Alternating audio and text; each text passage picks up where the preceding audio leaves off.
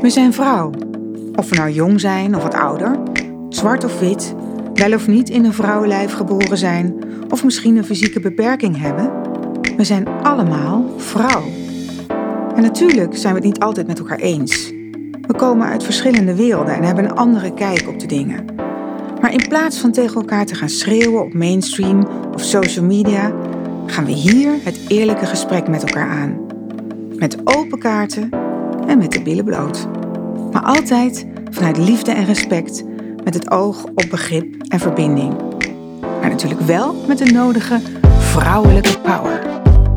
Dit is Kaarten op tafel. En vandaag leg ik mijn kaarten op tafel met Barbara Barend. Die kennen we natuurlijk als sportjournaliste, presentatrice en uh, eigenares van het blad Helden. Klopt. En uh, Loisa Lamers. En Loisa is, uh, ja, je bent de winnares van Holland's Next Topmodel. Je was uh, ja, deelnemer van Expeditie Robinson en lansenbrekers voor, lansenbreekster voor de transvrouwen in Nederland. Ja. Superleuk dat jullie er zijn, meiden. Ja, insgelijks. Ja, echt Gezellig. heel leuk. En ja, hoe gaat het? Um, het is natuurlijk een rare tijd. Ja, begin jij maar, Barbara. nou, het, het, het, gaat, uh, het gaat op zich wel goed. Ik moet zeggen dat ik de eerste lockdown als heel prettig heb ervaren. Zowel persoonlijk uh, als zakelijk. En echt wel... Um, het klinkt heel raar, maar 2020 was voor mij echt een heel fijn jaar. En ik vind het nu een stuk lastiger. En ik, ik merk om me heen dat heel veel... Uh, volgens mij moeders daar last van hebben. Maar ik denk heel veel mensen überhaupt. Dat die tweede lockdown wel heel zwaar is. Dus het gaat goed, omdat ik alle mogelijkheden heb om het goed te maken. Maar ik vind dat af en toe ook wel, uh, ik vind het wel pittig. Want jullie kunnen, jij kan je werk gewoon nog doen, hè? Ja, ik ben, uh, ben aan het werk, wel thuis. Dus we werken allemaal vanuit huis. En ik vind uh, dat videobellen is natuurlijk heel vermoeiend. Onwijs. Ja, al ja. die niet te doen. calls en Zoom constant naar jezelf zitten kijken op dat schermpje. Dat ik denk, ik zet ja. hem wel gewoon uit. Ja. Want ik word hier echt niet vrolijk van. Maken jullie nog op voor zo'n Zoom-meeting? Nou, Donald Ducken, ken je dat? Ben je bekend met het begrip Donald Duck? Nee, dat gaat. Dat is, nou oké, okay, dat is dus een meeting. Van boven is het dus allemaal gewoon nog wel redelijk vrolijk. En van onder is het gewoon joggingbroek, sloffen. Oh, dingen. Ja, ja, dat ja, doe ik altijd. Ik zorg dat de camera gewoon bovenlijf dan is. En dan het gezicht wordt even uit het tasje gehaald. Maar voor de rest is het Net gewoon... Als, uh, ja. Een nieuwslezeres en zo, die doen dat toch ook? ja. Tenminste, als ze niet hoeven te staan. Tegenwoordig staan ze ook wel eens, hè? Maar uh, ja, en Loisa, ik weet van jou dat jij met heel veel spannende projecten bezig bent. Maar dat je ja. daar helemaal niets over Ja, dat is altijd zo stom, maar dat is wel echt zo. Ja, ik, ik moet zeggen, toch? ja... 2020, um, het begin van de hele lockdown, corona, zat ik toen nog in Duitsland met Let's Dance. Dat was heel oh, ja, tof. dat moeten we even vertellen. Dat weten heel veel mensen niet. Dat je in Duitsland ja. mee hebt gedaan aan Let's Dance. Ja, Hoe ja, was dat? dansprogramma. Ja, dat was heel tof. Was du goed Duits? Ambition. dat was nog het meest enge van alles. Dat ik die taal niet sprak. En dat heeft wel dat ik dacht van, oh, ik kan ik nog wel genieten van dit alles. Want ik vond het zo spannend om te spreken, live tv. En het was daar zo groot. Maar het was wel heel tof. Maar het gekke daaraan was, ik, ik ging erin toen de wereld nog normaal was. En Ah, ik ja. heb daar drie maanden gezeten. En uiteindelijk moest ik ook, want ik trainde dan vanuit huis. Moest ik um, naar Duitsland eigenlijk verhuizen in een hotel voor twee maanden. Want dat, de grens was allemaal heel lastig en moeilijk. En toen kwam ik terug en toen was dat in mei klaar. En toen kwam ik weer in, in, in Nederland thuis. En toen was de wereld helemaal niet meer zoals ik hem kende. Dus daar heb ik toen heel veel moeite mee ja, gehad. snap ik wel. En kunnen we dat nog ergens terugzien?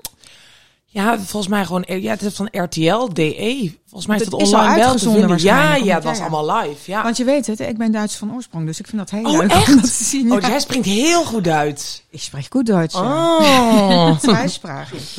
Maar eh, de kaarten zijn geschud. Ja. En het thema van vandaag is geluk, pure mazzel of een way of life. Dus ik ben eigenlijk heel benieuwd. eh, zijn jullie gelukkig? Ja. Ja. Jij, Barbara? Ik vind altijd een hele mooie uitspraak van een van mijn beste vriendinnen, Samira Bouchipti. En die zegt altijd, ik vind het al een hele kunst dat ik niet ongelukkig ben. vind ik altijd heel leuk dat ze dat zegt. Nee, ik, uh, ik ben uh, gelukkig, ja.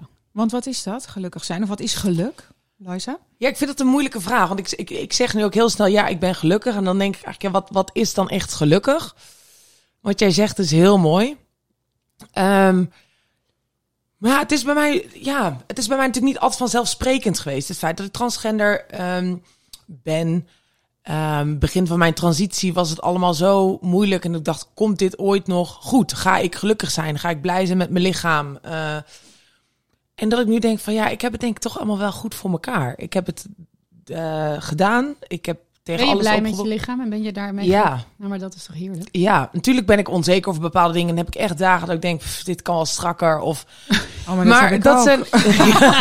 maar Dat is ga ik heel altijd- normaal. Voor mij zit, zit geluk denk ik ook heel erg in de, in, in de kracht van het relativeren. Ik probeer echt heel veel te relativeren. Misschien soms te. Eh, maar dat ik denk van ja, oké, ben niet gelukkig. Maar kijk even waar je vandaan komt, eh, vriendin. Het, het is nooit vanzelfsprekend geweest, je lijf. En eh, nu kun je er zelfs eh, je geld mee verdienen. Dat klinkt heel erg alsof je in Ja. prostitutie zit. Ja. Dat is het niet. Nou ja, van je zwakte je kracht maken. Dat Ja. is denk ik ook een onderdeel van Ja. eh, gelukkig zijn, denk ik. Hè? Want alle, Ja. alles heeft een, een keerzijde, toch? Tenminste, als ik naar mijn eigen leven kijk, denk ik, nou ja, ben ik gelukkig? Ja, overall wel. Maar ik heb ook wel hele ongelukkige momenten. En ik Ja. heb hele extreem gelukkige momenten. Je bent toch nooit 24-7 heel erg gelukkig of zo? Nee. Net zoals dat je niet 24-7 heel erg verliefd bent. Dan zou je een soort van psychotisch bijna zijn, Ja. denk ik dan. Eh, dus ik denk ook eh, dat het vaak wel momentopnames Ja. zijn. Ja, en ook het gevaar van wa- waar, waar ik ehm, ben natuurlijk heel jong. maar waar je op een gegeven moment in een tijd waar we in leven. En ik denk helemaal rond de jaar of 19. Dat ik dan toen was ik geopereerd. En dat was voor mij de doelstelling behaald in het leven. Dat was van jongs af aan mijn, mijn, mijn doel. Dat ik ook dacht, nou, oké, wat gaan we dan doen? En wa- waar haal ik het uit? Dat je heel erg ook gaat kijken van, is het gras niet groener bij, bij andere mensen, andere plekken? Die doet het op die manier, die doet het beter. Daar heb ik denk ik ook echt wel twee jaar in gezeten. Dat ik dacht van, oké, maar, maar hoe doet die dat dan? Of waar wordt die nou gelukkig van? Dat ik er heel erg naar op zoek ging.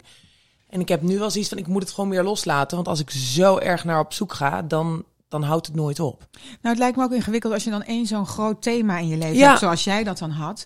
Dat je, ehm, dat je constant afvraagt van, is het nu een issue wat samenhangt met dit thema, met dat grote thema van Ja. transgenderness, of is het een issue wat eigenlijk iedereen heeft?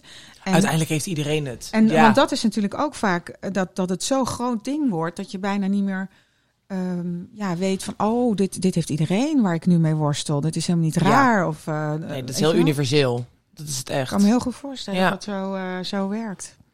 Ehm, nou, weet je wat ik eigenlijk wil doen? Ehm, voordat ik weer met allerlei vragen jullie ga afvuren. Ik, ik ben wel klaar voor een eh, showdown. Nou, ik heb jullie van tevoren gevraagd om, op, eh, om, om jullie bekentenissen op showdown kaarten te schrijven. En ik pak er gewoon even eentje uit. Ik heb het zelf ook gedaan. Oh, je En doet ik- gewoon mee. Ik, eh, ik pak deze, die is van jou Barbara. Me alles aantrekken. Ja, wat ik daarmee bedoel, want weet je, er, ja, of een soort blunder of waar ik tegenaan loop bij mezelf, is dat ik soms eh, momenten dat ik eh, me te veel aantrek. En ik, ik kan heel erg down raken van ehm, hoe goed ik het zelf heb en hoe slecht sommige mensen het hebben. En dan wil ik eigenlijk zo graag eh, de hele wereld helpen. En dan neem ik soms ook de last van de hele wereld op me. Oh ja. En als kind had ik dat al. Mijn moeder noemde me zwerfkattenverzamelaar. Want ik nam altijd kinderen die zielig waren mee naar huis. Oh, ik dat is wilde, herkenbaar. ik wilde iedereen helpen. En, en dat kon ook, dat mocht. Dus ons huis was altijd open en, en iedereen mocht eten en drinken en slapen. En ik ging geld inzamelen eh voor zielige kinderen en kleren. En dat wilde ik heel graag. En ik sprak me uit over onrecht. En, en, en als jong en naïef kind kan dat. Ik had wel ook leraren die me echt haten en die me daardoor gingen pesten. Dus dat was ook al als klein meisje voelde je Maar weerstand. leraren? Ja. Hè? Ja, Wat gek. Nou, Geef eens een voorbeeld. nou, ik, ik werd altijd rode genoemd en een dikke jongen werd dikke genoemd. En Oh, echt door En de ik- leraar. Door de leraren? Ja, andere tijden, hè? ja, nou nee, niet Zo. andere tijden. jij bent 46, ga even voor de Nee, duidelijkheid. maar die leraar, nee, nee, nee, 26. want dat, ik heb ook hele fantastische leraar. Die leraar spoorde niet. Oh. En ik zei daar wat van.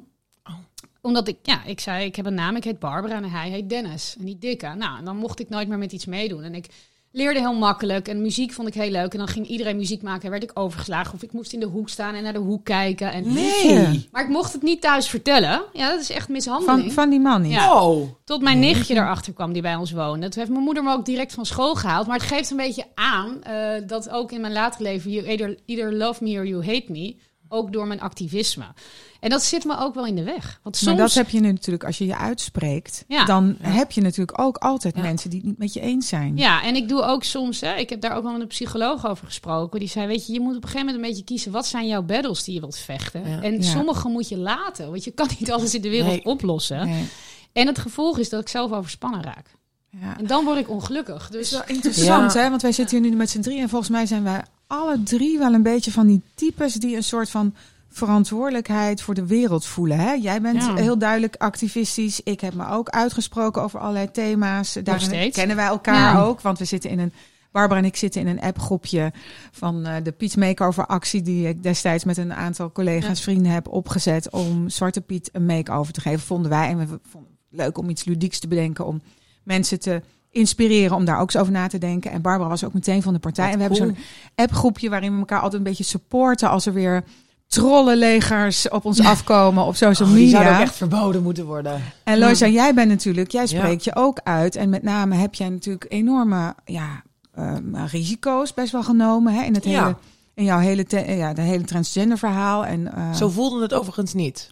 Nou, wat fijn. Nee. Blij om te Nee. horen. Maar ja, het is natuurlijk wel, eh, net zoals dat je, je ging meedoen aan, eh aan eh Hollands Next Top Model. En je hebt niet in eerste instantie verteld dat je transgender was. En je wilde heel graag Ja. dat mensen je echt zouden kiezen om wat je Ja. daar te bieden hebt als model. Eh, maar dan weet je natuurlijk, dat gaat op een gegeven moment uitkomen. En hoe gaan Ja. mensen dan reageren?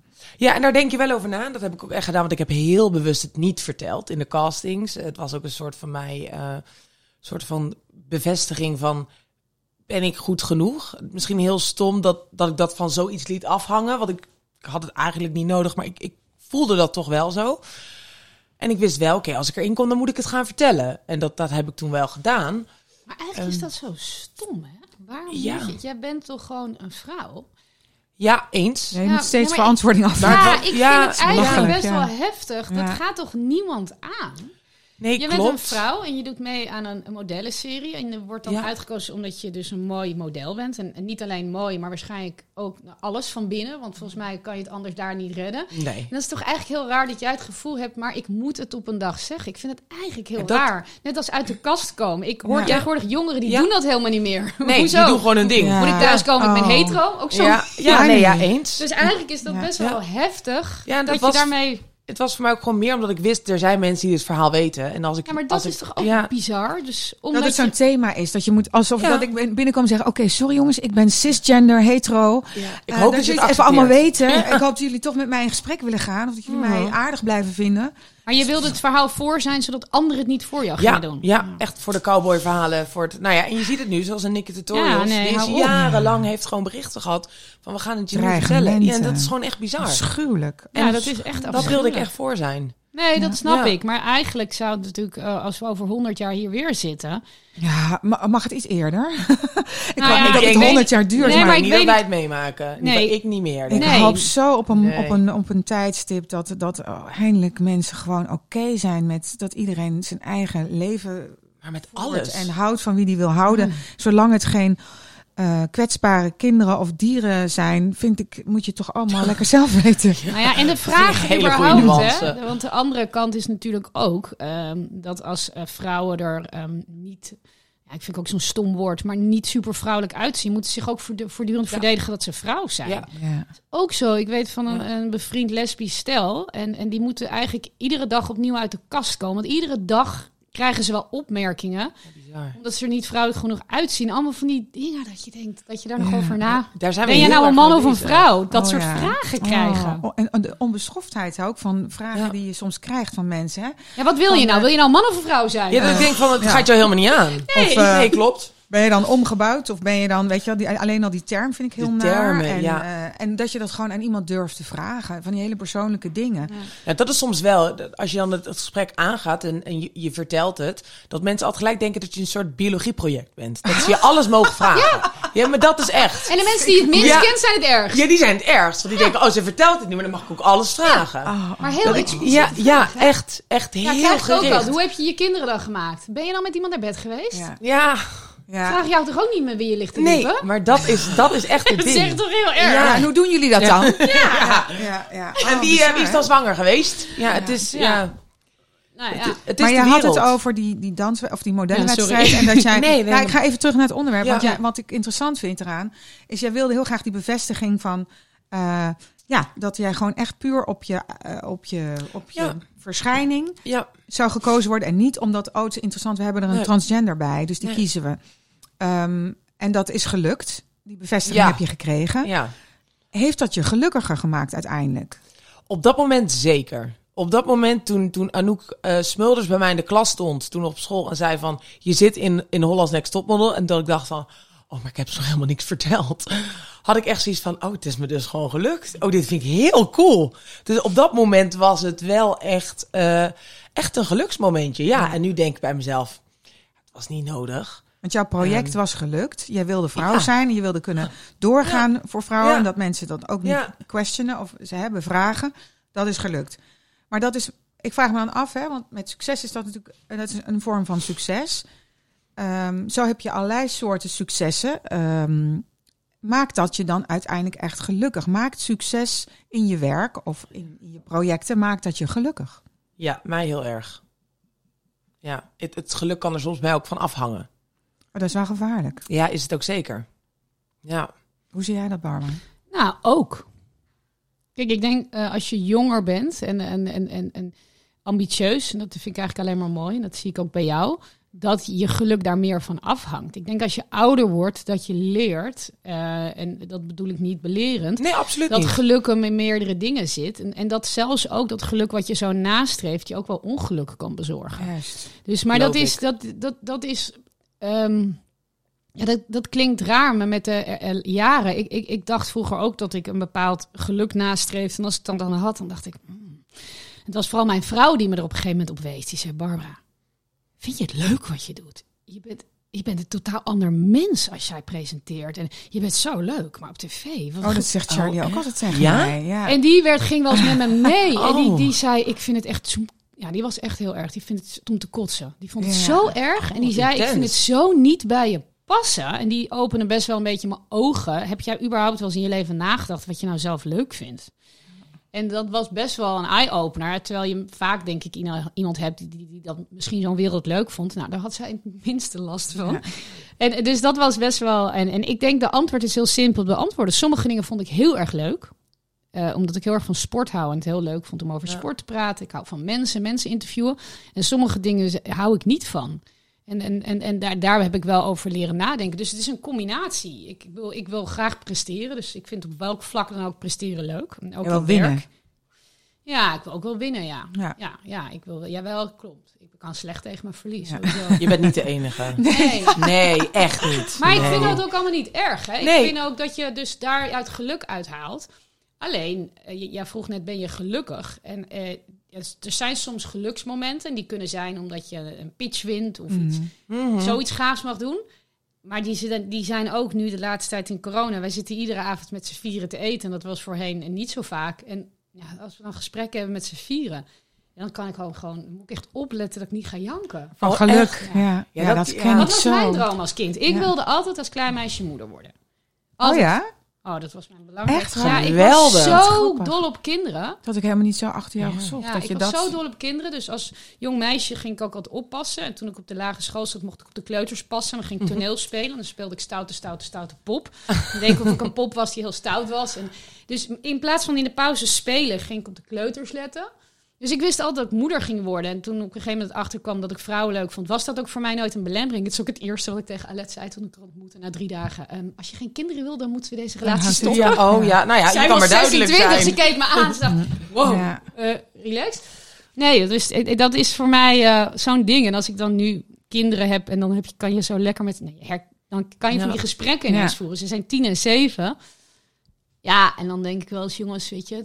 eh, het is heel stom en cliché, want ik kan net zo goed balen als ik iets in werk niet red of blij zijn. Maar dan heb je wel echt geluksmomentjes. Maar ik moet zeggen, ik, eh, hè, ik ben het helemaal mee eens. Er zijn heel veel aspecten buiten jezelf die je gelukkig maken. Zoals Ja. inderdaad succes, zoals eh, een gezin Mhm. krijgen, kinderen krijgen. Maar waar ik nu zelf heel erg naar op zoek ben in mijn leven, is eh, het, het geluk. En dat klinkt een vreselijk cliché, maar dat geluk in jezelf te vinden. Ja, Want ik merk dat ik zo afhankelijk ben van Ja. die van externe situaties. factoren. Ja, ja. Want ik was ook heel gelukkig, werd er heel gelukkig van dat ik succes kreeg als actrice. Dat het me lukte om die carrière van de grond te krijgen. Want ik heb nogal wat omwegen genomen. En het succes in, in een GTST was natuurlijk te, Mhm. superleuk. Het was ik hotter dan hot en zo. Maar op een gegeven moment wordt dat ook weer minder. En dan moet je ook mee leren dealen. En dat Ja. is best wel hard. Hè? En dat Ja. gaat in ons vak heel vaak Ja. in golfbewegingen. En als je een paar keer zo'n golfslag hebt meegemaakt, dan denk je, oké, hier kan ik dus niet te veel op gaan leunen. Want dan word ik heel. Hè, als ik het. Als ik mijn geluk daarvan laat afhangen, dan laat ik mijn ongeluk daar dus ook van afhangen. Dus ik moet daar op een of andere manier anders mee omgaan. Ehm, gezin, kinderen, tuurlijk. Dat zijn allemaal dingen die, die, die enorm, waar ik enorm dankbaar voor ben. Dat, dat, op, dat ik dat heb mogen. Ontvangen allemaal in het leven. Maar ik denk ook nu wel eens van... Oké, ik moet ook wat dieper naar binnen gaan, naar graven. En misschien is dat een levensfase. Ik ben nu 54, hoorde ik net van. ik, ik wist even niet meer of ik 53 of 54 was. Maar ik ben dus eh, in het begin van de maand 54 geworden. En dan ga ik ook van de maand januari, moet ik zeggen, ik weet niet wat- precies wanneer dit uitgezonden wordt. Maar ehm, ja, dat ik denk van moet ik niet dieper binnenin mij graven en een geluksbron in mijzelf kunnen aanboren, waardoor ik die ten alle tijden weer terug kan vinden, ook als ik het als het extern eh, tegenzit. Ja, ik, ik denk wel, ik, ik moet zeggen, ik ben daar nu al mee bezig. Ik heb eh, echt ook door corona vooral, ik heb natuurlijk mijn hele leven lang met psychologen moeten praten, sowieso door mijn traject. Ehm, maar in corona vooral dat dingen stiller stonden en dat ik veel meer tijd had om te reflecteren ook op mezelf. En dat ik eigenlijk al ging nadenken van ja, maar waar word ik nou gelukkig van? Ik ben altijd bij een psycholoog geweest, dat doe ik nog steeds. En op een gegeven moment ook dat ik met mezelf afgesproken had, weet je wat ik ga doen? Je hoort heel vaak mensen die dan eh 60, 70 zijn van, nou weet je, op die leeftijd, toen wist ik wat alles, wat belangrijk was in het leven. En toen dacht ik bij mezelf, ja, maar ik wil helemaal geen 60, 70 zijn om dat te beseffen. Ik ben nu 26.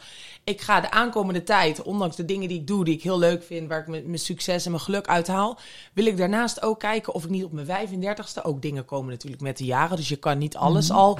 Maar dat ik al kan zeggen op mijn 35ste, ik weet in ieder geval nu al wat er toe doet in het leven, wat belangrijk is. En dat ik daar dan nog 60 jaar van kan genieten. Ja, In slim. plaats van zeg van de laatste 20 jaar snap ik mijn leven pas, had ik dat maar eerder geweten. Maar het is heel erg, vind ik, van jullie generatie. Eh, ook niet meer alleen maar werken. Tijd voor jezelf, mediteren. Ik heb het gevoel dat jullie generatie gaat veel beter met het milieu om. En die zijn veel bewuster aan het leven. En, en, en echt wel ook het inzicht werken is niet alles. Je moet ook ruimte voor jezelf, Ja. hebben, tijd voor jezelf, eh, tijd voor het milieu. Echt nadenken over dingen. Dus dan ik denk Enerzijds wel heel ambitieus, vind ik jullie hoor, de twintigers van dat nu. dat enorm. Maar Ja. ook wel inderdaad eh, die andere kant heel erg. Want minder alleen maar op de targets en op de goals en zo, maar ook Ja. wel op het hier en nu. eh. ja, heel en ik vind het- mindful. Nou, ook heel goed van je dat je eh, die therapie nu doet. Ik ben dus nu sinds kort ook in therapie. Ik heb, ik heb er twee sessies gehad. En dat is voor het eerst in mijn leven dat ik eigenlijk voor mezelf echt ga. Dus Oh, niet echt? in relatietherapie, want dat heb ik natuurlijk wel allemaal eh, meerdere malen gedaan. Maar Ja? ja, is heel, zou ik Oh. iedereen aan willen raden. Ook eigenlijk voordat je problemen krijgt al. Misschien krijg je ze dan niet. Maar Gewoon blijven praten. nou ja, en daar zeg je wat. Communicatie is natuurlijk zo ongelooflijk belangrijk. Eh, hoe praten we met elkaar en hoe, en hoe verstaan we elkaar? En hoe zorg je ervoor dat die ander jou ook verstaat? Dat is, dat is een hele belangrijke.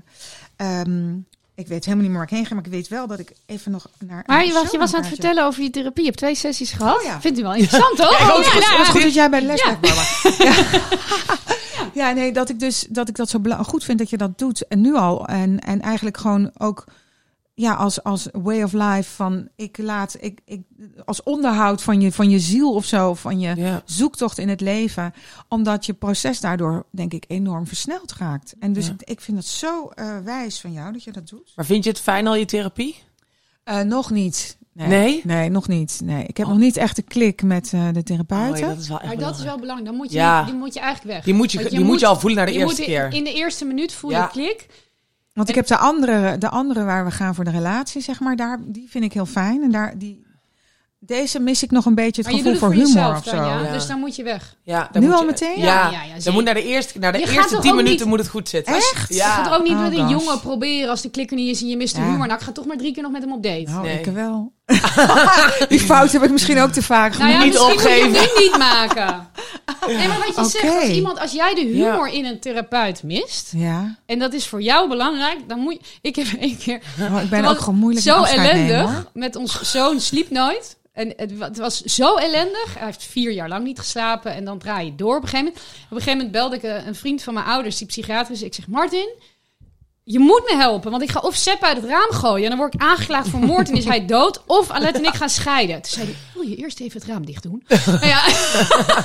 en ik kon zo Ja, om dat- lachen, ja. want ik was in één Ja. keer weer... Ja, Oké, is het raam dicht? ja, dan gaan we even praten. En toen dacht ik, oh wat heerlijk. Ja. Weet je wel? En dan, dus ik moest keihard lachen. Terwijl ik compleet ellendig was op dat moment. Ja. Ja, als je van humor houdt, stoppen.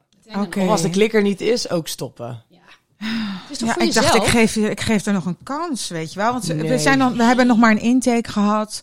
En ik moest allemaal vragen beantwoorden. Dus we zijn nog niet echt... Nee. Ik ben wel eens naar een intake gewoon weggegaan. Dat ik gezegd, Echt? sorry, ik wil een nieuwe doorverwijzing. Ga Oh, wat ergens goed, ja, maar dat, dat, daar ben ik dus ook heel slecht in. Ik ben slecht in afscheid nemen. Ik, ben, ik, kan, En ik voor kan, jezelf, kom op. vind het dan altijd ook zo lullig voor die ander. En Ach, nee. ik denk, Heb je gezien hoe lang die wachtlijsten zijn voor jou? Tien andere, lieve schat. Niet lullig bedoeld, maar door naar de dat volgende. is ook waar. Ja. Ja, Ik ga, het even, oh, ik ga er even over nadenken. Nee, of een dat andere therapeut mij gelukkiger kan maken. ik, oh, ik zie nog een showdownkaart. ehm nooit gedacht dat ik slank zou zijn en Hollands, ne- Hollands Next Topmodel zou kunnen doen. Nou, Ja. dat is iets van jou. ja, klinkt heel cliché natuurlijk. Was jij Ehm, heel dik dan vroeger? Nou, ik, ik heb, op een gegeven moment begon ik met mijn vrouwelijke hormonen. En toen werd ik heel erg vol. Ehm, ook heel slecht eten. Ik zat nog op de kappersopleiding. En mijn, en mijn pauzes bestonden echt uit twee sausijzenbroodjes, kaasbroodje, een, een KitKat, een Juderans erbij. En dat echt dagenlang. Dus ik had het zelf ook wel in de hand. Maar ik had dus, en dat heeft natuurlijk ook, ik heb het heel beknopt opgeschreven. Dat heeft natuurlijk ook te maken met het feit wat we net al zeiden. Van eh, het feit, mijn lichaam, dat is van mij, maar, maar dat klopt niet helemaal. Gewoon nooit gedacht dat ik hier zou kunnen staan. Mhm. En ehm, in de spiegel kon kijken en, en trots kunnen zijn op ehm, hoe ik eruit zou zien.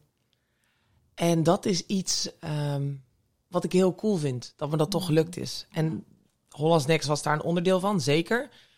Eh, maar ook daarna, of daarvoor ben ik gaan afvallen. Ik ben 25 kilo afgevallen. Ehm, 25 kilo, ja. mijn hemel. Dat is Ja. echt heel veel. Ja, dat was echt heel Was veel. er nog wat van je over? Nee, ik ben nu wel weer ietsjes aangekomen met Hollands Next in die periode. En het jaar daarna was het niet oké. Dat was echt wel te. Want dan loop je ook nog weer het risico dat je een eetstoornis eh, ontwikkelt. Nou ja, ik, ik wil niet zeggen dat ik er één gehad heb. Maar het had ook niet heel veel langer moeten duren, denk ik. Oké. Het was wel, da- daar haalde ik toen, Ja, de controle, haalde Ja. ik toen mijn geluk uit. Dat ik Ja. kon controleren of het wel of niet goed ging. En of het wel, eh, dat was echt een soort van misplaatst geluk zoeken. Ja, ja. Ik denk, als ik dat nou maar kan controleren, dan ben ik helemaal in charge. En dan heb ik, Dus het heeft eigenlijk meer met controle te maken. ja, bij mij was dat toen echt controle. Ja. Ja, want ja, weet je, ik, ik begon mijn carrière en die was zo, eh, ik wist wel, na Hollands Next, ehm, ik word niet het zoveelste meisje waar je niks meer van hoort. Want er zijn natuurlijk zoveel talentenjachten en daar hoor je niks meer van. Ik denk, dit ga ik nu doen. Ik heb dit gedaan, ik vind het fantastisch. Nooit met modellenwerk gedaan, maar dit is wat ik nu ga doen. En ik ga niet opgeven. Maar ja, eh, ik ben nu vijf jaar verder. De eerste twee jaar zijn gewoon heel moeilijk geweest. Want je begint, het lijkt alsof je heel wat bent, want je bent op tv. Maar je bent eigenlijk nog heel nergens. Dus dat, die eerste, vooral dat eerste jaar is dan zo moeilijk. En ik had weinig controle. En ik was zo afhankelijk van andere partijen. En dat was het enige waar ik controle op had. Want je hebt dat contract heb jij niet getekend. Dat vond ik ook zo stoer. Want ze hadden jou een contract van 50.000 euro bij een bepaald modellenbureau Ja. aangeboden. En dat heb je niet gedaan, hè? Nee. Heb je uiteindelijk meer dan 50.000 euro verdiend in het jaar? Ja. Dacht ik ook, ja. Supergoed ja, jou. Nee, dus uiteindelijk is dat Het geeft aan dat je ook wel zakelijk inzicht hebt. Ja. Heel goed. Ja, het was wel heel eng, hoor. Sorry, Ja. heel goed dat je dat hebt gedaan. ja, maar dat was wel heel eng. Nu denk ik ook echt bij mezelf, hoe durfde ik dat als zo'n als zo'n jong piemke? Werd je daarin geadviseerd door iemand? En nou, m- mijn moeder en ik hadden echt zoiets van, oké, ja, ik hoorde al een beetje van het contract. Die zijn best wel, wel heftig. En ehm zonder dingen in waar ik dan niet zo blij mee was. Ik wist wel, dit, ongeacht of ik hier nou iemand opzet, ik ben al niet blij met dingen. Nou, uiteindelijk neem je toch wel iemand die ook juridisch onderlegd is en die dan ook kijkt en denkt van, hmm, hè, we zouden misschien wel dingetjes kunnen, kunnen veranderen. Nou, uiteindelijk is dat, dat, dat een beetje spaak gelopen. Ehm, maar dat ik ook echt denk, ik was 19. Waar haalde ik eigenlijk het lef vandaan om Uit zo je hard hart? van de toren te blazen? Nee, dat kwam uit je hart. Je Ja, en dat en uit je brein, want je bent super slim. Ja, maar ook uit het waarschijnlijk. Ja, het gevoel. Het ik- niet. ja, het klopt Ja. niet. En ik kan het op een andere manier Ja. ook. Ja, maar dat Ja. vind ik ook heel tof. Gewoon die onafhankelijkheid, die zelfstandigheid en de lef gewoon om te zeggen, "Pff, ik ga het anders doen. Ja. Ik wil even terug naar wat je net zei over die hormonen. Want hormonen is natuurlijk in het leven van alle vrouwen een Ja. enorm thema. En ook wellicht in hoe je je voelt en of je je gelukkig voelt of niet. En dan kan ik naar mijn eigen eh, kaart gaan. En ik heb opgeschreven, ik ben van nature angstig en ik kan me ook wel eens somber voelen. En soms zie ik zo tegen de dag op dat ik niet uit mijn bed wil komen en moeite heb met beginnen. En dat is vooral iets van de laatste jaren. En dat, en het heeft ook met het weer te maken. Als het bijvoorbeeld dit druilerige weer is, wat het vandaag ook is, dan vind ik het helemaal heel heftig. Ja. En, ehm, en ik denk wel dat het eh, zeker ook voor een deel hormonaal is. Want ik zit natuurlijk midden in die overgangsleeftijd. Zit jij er al in eigenlijk? Jij bent Jawel, 46 46, jaar, dat zit je ook al. Ja, dan begint het een beetje. Ja. 45ste. En bij jou is het natuurlijk, jij hebt hormonen geslikt. eh, En nog steeds. en, en moet je blijven slikken de Ja. hele leven. ja. Heeft dat, eh, hoe heeft jou dat beïnvloed, zeg maar, in je geluksgevoel?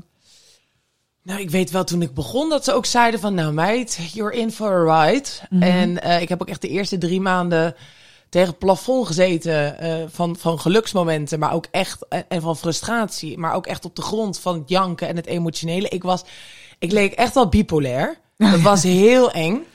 Ehm, maar uiteindelijk raak je daaraan gewend. En het zijn mijn hormonen, dat is wel mijn geluk. Altijd heel steady. Ik ben niet afhankelijk van menstruatiecyclus, eh, overgangsdingen. Ik neem het echt in. Dus Iedere ik, dag ik heb weet dezelfde iedere dag mezelf. Ja, precies. Moet ik wel zeggen dat ik onlangs echt wel merkte dat ik in één keer heel weer erg begon te schommelen. En dat ik in één keer heel veel eh, een slechte huid kreeg. En dat ik dacht van, ik lijk wel een puber. Ik ben 26, dit moet ik toch gehad hebben? Nou ja, en dan uiteindelijk naar de internist. En dan bleek wel dat mijn hormoonspiegel dus te laag was. Dus dan voel ik dat wel. Dus kan ik even een klein dingetje meekrijgen van hoe een vrouw vanaf de geboorte dan de natuurlijk hormoon krijgt. Hoe dat dan zou voelen. Mhm. Ehm, maar ja, over het algemeen ben ik daar wel steady in. Ze hebben hem nu wel weer omhoog gezet. Dus ik zit nu echt wel weer in een fase dat ik denk Ja. van... Ik moet soms even twee keer nadenken, want ik kan echt uit, uit het dak gaan om niet. Soms Ja. lijkt ik echt wel zwanger. Ja, ik had het ook tijdens Ja. de zwangerschap. Ja, echt. echt levensgevaarlijk hoor. Ja, ik... Zo, hé, ik kon echt uit. En ik heb wel zo, nou, levensgevaarlijk is overdreven, maar ik had wel dat ik ineens begreep hoe het kan, eh, hoe het is om ontoerekeningsvatbaar te zijn. Zo, dan ben je heel Dus- ver. Never. Ik was altijd heel steady, weet je wel. En ik was verantwoordelijke van. Ik kom met een gezin met mijn moeder en mijn zus. Nou, ik denk dat iedereen wel zo'n beetje ADD had of iets in die richting. Maar ook uber emotioneel en heel heftig in, in, een, nou ja, in het uiten van die emoties. Dus ik nam automatisch de plek in van de steady en Mhm. Eh, zorgen dat alles goed verloopt en dat iedereen overal altijd op tijd is en enzovoort. Dus ik was dus de georganiseerde, evenwichtige, bla bla bla. Wat ik natuurlijk eigenlijk helemaal niet zo ben, maar eh, wel vergeleken bij de rest. Ja. En ehm, eh, waar wil ik nou eigenlijk naartoe? Dat je hormonen tijdens je zwangerschap Ja, ineens... oh, en tijdens de ontlopen zwangerschap. Ja, dit is dus ook overgang, hè? Dat je dan ineens niet meer. Nee hoor, Ja, Ehm, dat hebben we allemaal last van. Eh, maar ehm, nee, dus dat, dat had ik. Dus ik was altijd voor mijn gevoel altijd heel steady en toerekeningsvatbaar. En ik vond die mensen die dan met, met, met een, een huis eh, in woedebui iets gingen kapot maken of zo, vond ik dus echt heel suf. Totdat ik dus inderdaad zwanger was en met dingen ging gooien. En Oh, Arme Charlie, of niet? nooit helemaal overgaan. Maar Charlie. ja, Charlie heeft wel wat te verduren gehad inderdaad in die periode. Dat was wel echt eh, pittig. Oei. Maar ik weet, weet dat het nog erger kan. Ik weet dat ik in die tijd een gesprek had met een visagiste. Die was ook zwanger. En die had in haar zwangerschap een glazen asbak naar het hoofd van een man gegooid. En die moest echt naar het ziekenhuis om gehecht te worden en zo. Dat soort Oeh. dingen. Echt levensgevaarlijk. Heftig. Hoe is dat bij jou, Barbara? Ik werd juist rustiger. Ik ben Oh, door die zwangerschap, ik vond zwanger zijn heerlijk. En ik Ja. denk dat ik door het moederschap ook minder... eh nou, ik ben nog steeds wel heftig, maar ik ben echt wel... eh, eh, ik zwom altijd tegen de stroom in. En ik zwem nu wat minder vaak tegen de stroom in, voor mijn gevoel. Ja, je hebt je, je battles wisely gekozen nu. Ja, ja. En ik, ik denk dat het me juist... eh, het enige wat ik, ik, ik... Ik ben na mijn bevalling even heel slecht geweest. Maar ik had het door. Want ik weet nog dat er vriendinnen van Alet waren. En, eh en Alet is zes jaar jonger. Dus Alet was de eerste van haar vriendinnengroep die beviel. En toen zat ik op een gegeven moment... Het zei ik tegen mensen... Ik ben gek geworden. Ik ben echt... Jullie moeten... Willen jullie me beloven als ik echt gek blijf... dat jullie iets doen? Want ik, ik kon alleen maar janken. En ik wist helemaal niet... Ah. Ik, ik kon niks de eerste... Maar was dat een postnatale depressie of dat Nou, niet? Dat licht. Ik heb een hele slechte bevalling gehad. En ik ben daar Oei. ook heel ziek geworden. Dus ik moest in het ziekenhuis blijven, hele hoge koortsen. Dus ik kon pas na zes weken mijn kind ook zelf goed vasthouden. Wow. Dus ik was ook niet vrolijk, zeg maar. Ik heb geen vrolijk kraambed gehad. En Nee. dat, dat werd steeds slechter. Maar op een gegeven moment was ik een soort van... Voor mezelf, ik keek zo van boven naar mezelf. Ik denk, het is een soort hoopje gekte wat daar op de grond zit. Zo voelde ik het. Maar ik, ik zag het wel. Ik kon er wel om lachen. En eh, nou ja, mijn, zij hebben me toen ook beloofd dat als ik gek zou blijven, dat ze zouden ingrijpen. En gelukkig is de gekte weggegaan. Ja. Maar ja, nee, ik ben juist milder geworden. Maar jullie, jij hebt dus niet ook, zoals ik zeg maar, van die hormoonschommelingen, dat je dan echt denkt, "Pff, hoe kom ik deze dag door? Of hoe ga ik nu beginnen? Of, Nou, nee, ik herken wel dat ik, dat ik eh, wat ik zei net, maar dat heeft meer als ik te veel op me neem, dat ik op een gegeven moment dat, dat, het, dat het allemaal te veel is. En, Mhm. en dan, dan ben ik, slaap ik niet meer. En dan, dan kan ik wel soms dagen hebben. Dat, dat heb ik wel gehad. En dat ik dacht, dat je verlamt. Nou, dat, dat, dat, dat, dat- volgens mij is dat ook gewoon een beetje down en licht Mm. depressief natuurlijk als je Ja. de dag niet wil beginnen. En dat ik zei, ja, dat, dat, dat, Oké. dat had- past helemaal niet bij Je mij. zit terug naar die Nieuwe therapeut. Nee, een nieuwe, een andere. Je moet terug naar de andere. Nee, maar dat, weet je, dat, dat, dat, dat past dan helemaal niet. Maar goed, aan de andere kant, het hoort er ook wel bij. Hè? Die wintermaanden, december, januari, Ja, die zijn in oh. Nederland ook een beetje Ja, depressing. Hè? Er is niet voor niets lichttherapie. Ik snap ook echt waarom oudere mensen dus naar Portugal gaan verhuizen en zo tuurlijk. naar Spanje. Ja. Ineens snap ik dat. Dat heb ik nooit Ja, zo begrepen. Ik denk, waarom gaan al die mensen verhuizen? Maar Ja. nu snap ik dat. Ik wil even naar de, naar de stelling waar we eigenlijk dit gesprek mee begonnen. Eh, namelijk, eh, geluk, is dat nou pure mazzel of is dat een way of life? Hebben jullie daar mening over? Is geluk maakbaar? Ja. Ja, maar ik denk niet compleet helemaal. Ik denk dat er ook echt bepaalde situaties wel echt afhangen. Wat hebben jullie van die Ehm. boeken gelezen bijvoorbeeld? De Celestijnse Belofte of The. Secret of eh, ik heb wel gelezen van Louise Hay. Je kunt je leven helen. Dat deed ik toen met ze. hebben we nog een cursus gedaan samen met Guusje Nederhorst. Die eh, was wat er toen nog. Die is er helaas niet meer. Maar eh dit- dit noemen we altijd de cursus Red je leven nu het nog kan. en dan, eh, en dat, ja, dat, wa- dat waren allemaal dingen, eh, affirmaties. We moesten allemaal affirmaties, Ja. het, eh, positieve affirmaties, het universum insturen. Daar En geloof ik heel erg het in, idee van als je in een restaurant zit en je, je zit daar en er, er is van alles, maar als je niks bestelt, krijg je niks op je bord, zeg maar. Dat was zo'n beetje de gedachte daarachter. Geloven jullie daarin? Nou, ik, ik lees heel veel eh, zelfontwikkelingsboeken op dit moment. Ik vind het gewoon heel leuk om daar dingen uit te halen. Maar ik, ik geloof wel heel erg in dat een groot deel wel bepaald wordt door waar je wiegje staat. Ja. En je hebt heel veel voorsprong als je wieg op een Ja. bepaalde plek staat. En heel veel achterstand als het niet zo is. En des te knapper is het voor mensen waar hun wichtje niet op de juiste plek staat, als ze er wel wat van maken. En tegelijkertijd begrijp ik soms ook als je dat niet lukt. En dan, dan Ja. weet je, Ehm, ik vind het soms verbazingwekkend als ik naar mijn eigen vader en oma kijk. Mijn oma die terugkwam uit een oorlogssituatie en, en die had ondergedoken gezeten. Nou, ze kwam terug. Bijna iedereen. eh, Want jouw oma was Joods, denk ik. ja, ja, ja. Schoonouders waren vergast in Auschwitz. Heel veel familie was vergast. Eh, dus er, er was niemand. Wa- heel weinig. En ze was, toen werd ze ook nog eens verlaten door de man. Ze waren heel rijk en toen hadden ze niks meer. De deurwaarder kwam, dus zij moest drie banen gaan werken. Nou, zat een, mijn vader en zijn broer, die drie keer per week door de politie werden opgepakt omdat ze weer wat hadden uitgevreten. Dan zei ze de politie: Ik heb geen tijd om ze te halen, want ik ben aan het werk. Nou, eh, ja. er was geen geld. En mijn vader zegt altijd: Ik heb de leukste jeugd van iedereen gehad. Ik had de liefste moeder. En ja, ze was moeder en vader tegelijk. Miste je vader niet? Heeft nooit meer naar ze omgekeken. Nee hoor, was voor mij een paal. Die kwam ik wel eens op straat tegen. Het, het, bij- het is niet oké, hè? Want je stopt je Nee. emoties weg. Maar het is oprecht. De man is oprecht gelukkig. Mijn oma heeft eh, met uiteindelijk vijf kleinkinderen gekregen. Had helemaal niks, haar kleine dafje. Dat was ook in de tijd dat mijn vader nog niet zoveel geld verdiende. Of weinig als journalist, kranten. Dus het was niet dat hij zijn moeder kon verwennen. Nee. Weet je, later, toen hij ging presenteren, kwam er meer geld. En dat vond hij ook wel jammer. Dus dan had ik oma nog wel misschien een keer mee kunnen nemen naar Israël of dingen kunnen doen. Dat kon allemaal niet.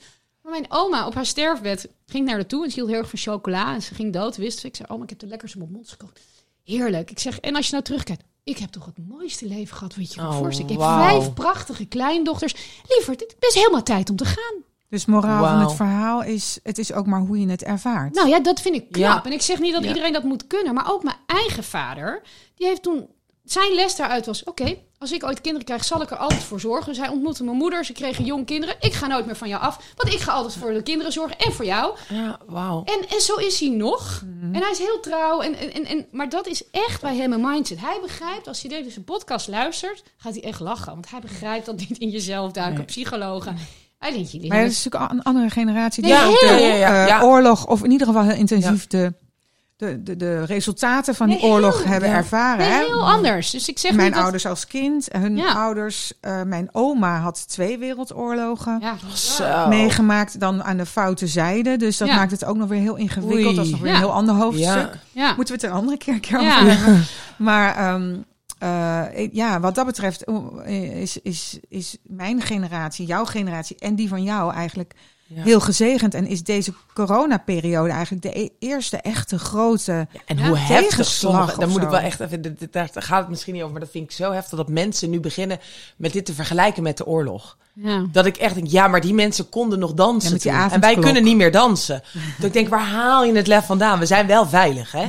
Ik vind dat echt, En dat er nu geruild wordt. ehm en Ja. heb ik geen goed woord voor worden. over. Echt niet. Nee, dat is Maar Nee, goed, nee, het is dubbel. Het, het- sommige mensen hebben het dus in zich om van niet, van Ja. een drol, een, Ja, een, ja, ja, ja. een, een slagroomsoesje Ja. te maken. En dat Ja. is knap. Maar ik geloof, ja, ik kan me ook voorstellen dat niet iedereen dat kan. Ja, nee, en dat is ook heel mooi. logisch. Ik heb ook heel vaak als je dan, eh, vaak als je in de, of de zelf, eh, zelfhulpboeken of ehm, jezelf wil verdiepen of als je naar de goeroes luistert, is het altijd, het leven is helemaal een mindset en, en Ja. daar geloof ik in. Ik heb ook een bepaalde mindset. We gaan niet in de slachtofferrol, je gaat door. Maar precies wat jij zegt, waar je, waar je wiegje staat, heeft echt een hele grote Ja, invloed. en ook en ik snap wat je dat het niet- overkomt. ja, Ja, Hè, je kan ook je kan slachtoffer overal. worden van een misdrijf. Je kan Ja. ook een hele heftige ziekte Ja. krijgen. En ga mij nou niet vertellen dat dat door negatieve affirmaties komt die iemand Nee. het universum nee, heeft helemaal niet in. Nee. Want dat vind ik het nadeel van die Nee. boeken. Dat suggereert eigenlijk Ja. dat als je heel veel mazzel hebt gehad in je leven, dat je dat hebt verdiend. Ja, En dus je dat is alles in de hand zo. hebt gehad. En dat Ja. is niet zo. Nee, wat ik bedoel. Nou, en, en, en het wordt ook wel heel veel, dat geluk ook zit hem in succes en geld verdienen. En dat vind ik... Ja, dat is ook zo'n. eh, Ja, dat vind, dat, er, zit, er zit een deel in natuurlijk. Want laten we eerlijk wezen. Geld maakt misschien niet gelukkig, maar geen geld hebben maakt wel ongelukkig. ongelukkig. Ja, geld Absoluut. maakt Het heeft makkelijk. heel veel stress op. Absoluut. En, ge- en geld geeft ook vrijheid. Ik vind dat. Ik voel me echt wel beter met een gevulde bankrekening dan zonder. En ik denk Ik vind nu bijvoorbeeld heel lastig dat ik nu al, al, eh, al bijna een jaar eh, heel weinig inkomsten Ja, heb. En mijn man ik. ook. Dat is gewoon goed. echt wel Ja, scary. dat is niet ja. fijn. Ja. Nee, dus, maar ja. Mooi moment om even naar onze eh goeroes te gaan. Want we hebben allemaal een harte vrouw Oh, opgeschreven. Ja. Mij is zo cliché. de mijne ook. Wij, wij hebben volgens mij hetzelfde. oh, echt? Jij hebt, eh Loisa, jij hebt eh Mirjam Lamers, jouw moeder, Ja. opgeschreven. Ja, Vertel. man. Ja, het, ik zou bijna willen zeggen, het spreekt voor zich. Maar dat. ehm, mijn moeder was gewoon altijd daar. Mijn moeder is een, een, een geboren moeder. En dat klinkt misschien stom om te zeggen.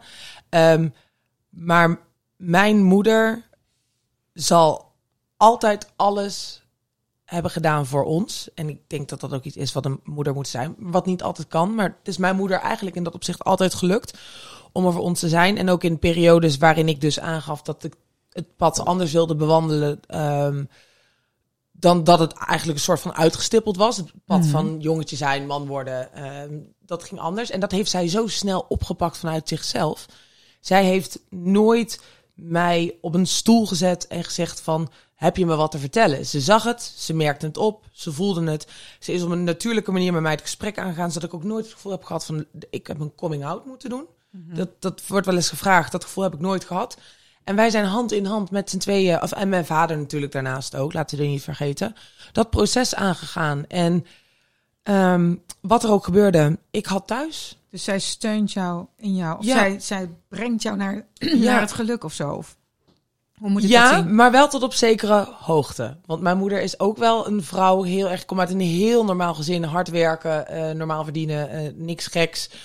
Een beetje doe maar normaal, dan doe je al gek genoeg. Dan ben ik daar nog een beetje een paradijsvogel in af en toe. Ehm, dus of, ook of wel. moet ik zeggen, ze geeft je de ruimte om Juist. je geluk te vinden. Zij geeft mij het podium om mijn dingen te doen. Ja, ja. En als ik ook val of wat dan ook, dan, dan, dan staat ze er, dan is ze er. Ehm, maar ik krijg wel alle ruimte. ja, je mag zijn Ja. wie je, wie, Ja. wie je ja, oorspronkelijk bent eigenlijk. Ja. Mooi is dat, ja, ik heb dus ook mijn moeder opgeschreven. En vooral eigenlijk omdat mijn moeder eh, zo'n soort levenskunstenaar is.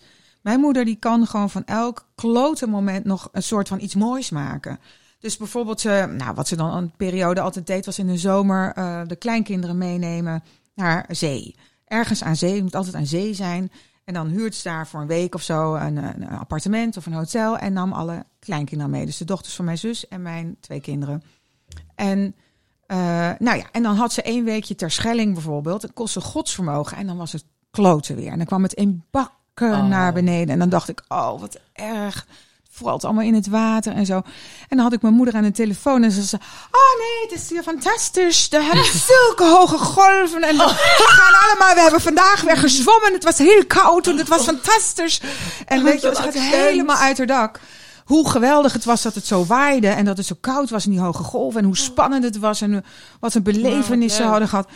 Weet je, en die gaven dus om, zelfs als Ja. iets dus helemaal anders loopt dan je had gehoopt of tegenzit, om daar dan toch weer, ja, iets, Vind ik in knap. haar, in haar bubbel is het gewoon allemaal altijd gelukt. Vind ik knap.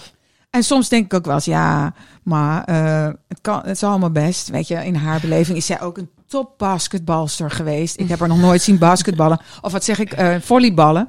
Maar ze heeft schijnbaar ooit vroeger op hoog niveau gevolleybald. Maar dat is allemaal ver voordat ik geboren werd. Want daarna heeft ze nooit meer een volleybal aangeraakt. Maar in haar bubbel is zij nog steeds die sportvrouw, weet je wel. Dus Oh, alles is gelukt gewoon. Alles is gelukt. En daar probeer ik wel aan te denken, weet Ja. je wel. En daar heb ik wel veel van geleerd. Ook om uh, Jouw gelukkiger accent is te trouwens voelen. fantastisch. In het half opgegooid. Vind ik heel leuk. Ja, heel heel hysterisch. Ik wil even naar jou, eh Ja. hartevrouw. Eh, eh, Barbara, dat is... Oh nee, sorry, Ja. dat is de verkeerde. Jeltje Ja, de Vries. Barbara, jij hebt Jeltje de Vries. Wie is. Jeltje de Vries? Nou, weet je, ik heb hier goed over nagedacht. Hè? Want ik vind bijvoorbeeld Aletta Jacobs vind ik heel belangrijk voor ons geweest. Hè? De eerste vrouwelijke arts en die voor het stemrecht van ons vrouwen heeft gevochten in Nederland. Ik vind die. Camilla Harris fantastisch. Oh. En haar speech ook. I, will- I may be the first, but I will not be the last. Fantastisch. Martina Navratilova, die tenniste en eh, openlijk lesbisch was. En dat heel veel sponsorcontracten heeft gezorgd. Maar ook Serena Venus Williams. Dus ik vind heel veel vrouwen, je ziet dat, zijn allemaal vrouwen die ergens voor strijden en ergens voor staan. Die hun geluk hebben opgeëist. Ja, en, en- die ook voor ons een voorbeeld zijn om ons geluk na te jagen. Mhm. en om onze dromen na te jagen. No matter what, ja. Ja, eh, dus dat vind ik allemaal. Maar uiteindelijk is er één reden waarom ik hier ben. En dat is omdat Jeltje de Vries tegen haar man zei... eh, we moeten jodenmensen helpen. En ze waren heel jong en ze waren 22 of 23 en boeren, eh, gereformeerde boeren uit Friesland. Dus ze zijn gaan zoeken hoe ze jodenmensen konden helpen. En ze hebben mijn eh, oma, mijn oma, opa, mijn oom, de broer van mijn vader die twee was, in huis genomen. Er stond een wiegje klaar, er stond een gedekte tafel zonder varkensvlees. Ben, en nou, zijn jullie nou jodenmensen? eh zeiden ze. Jullie zien er helemaal niet anders uit. Maar we weten dat jullie geen varkensvlees eten. En vanaf dat moment het jongetje in hun trouwboekje gezet. En ze hebben daar anderhalf jaar... Die leeftijd waren ze allemaal. Nou kan je nagaan. Fantastisch. Hebben ze daar gezeten. Het hele dorp wist ervan. En uiteindelijk zes weken voor de oorlog is er toch eh, een razzia geweest. Is mijn oma opgepakt. Maar toen wist ze al dat er geen treinen meer gingen naar Auschwitz. Dus ze vond het eigenlijk nog wel lekker om naar Westerbork te gaan. Want dan kon ze nog horen wie er allemaal wel of niet waren. En, eh, en dat jongetje, Bert, mijn oom, heeft gezegd... nee, dat is mijn zoon, die neem je niet mee. En als ze zijn broek naar beneden had gedaan... had ze gezien dat hij besneden was. Dat het een Ja, Joods jongetje ja. was. Oh. Want ondanks geboorte in de oorlog toch besneden. Bizar. Maar goed, dankzij Jelle en Jeltje de Vries... Ik heb helemaal kippenvel. Ben je er? Ja, zijn wij hier allemaal. En, en, en, en, en, en, en daarmee, het is mooi gezegd, je redt één mens, je redt de mensheid. Maar dat klopt. Ja. Wij zijn er allemaal. De familie Barend leeft voort. Die was er anders niet meer geweest. Er zijn meer dan 200 Barenden vergast. En eh, ja, Jeltje de Vries. En terwijl het levensgevaarlijk was, hè? Ja. Ze heeft Ja. een pistool op haar hoofd heeft ze moeten zeggen dat dat haar kind was.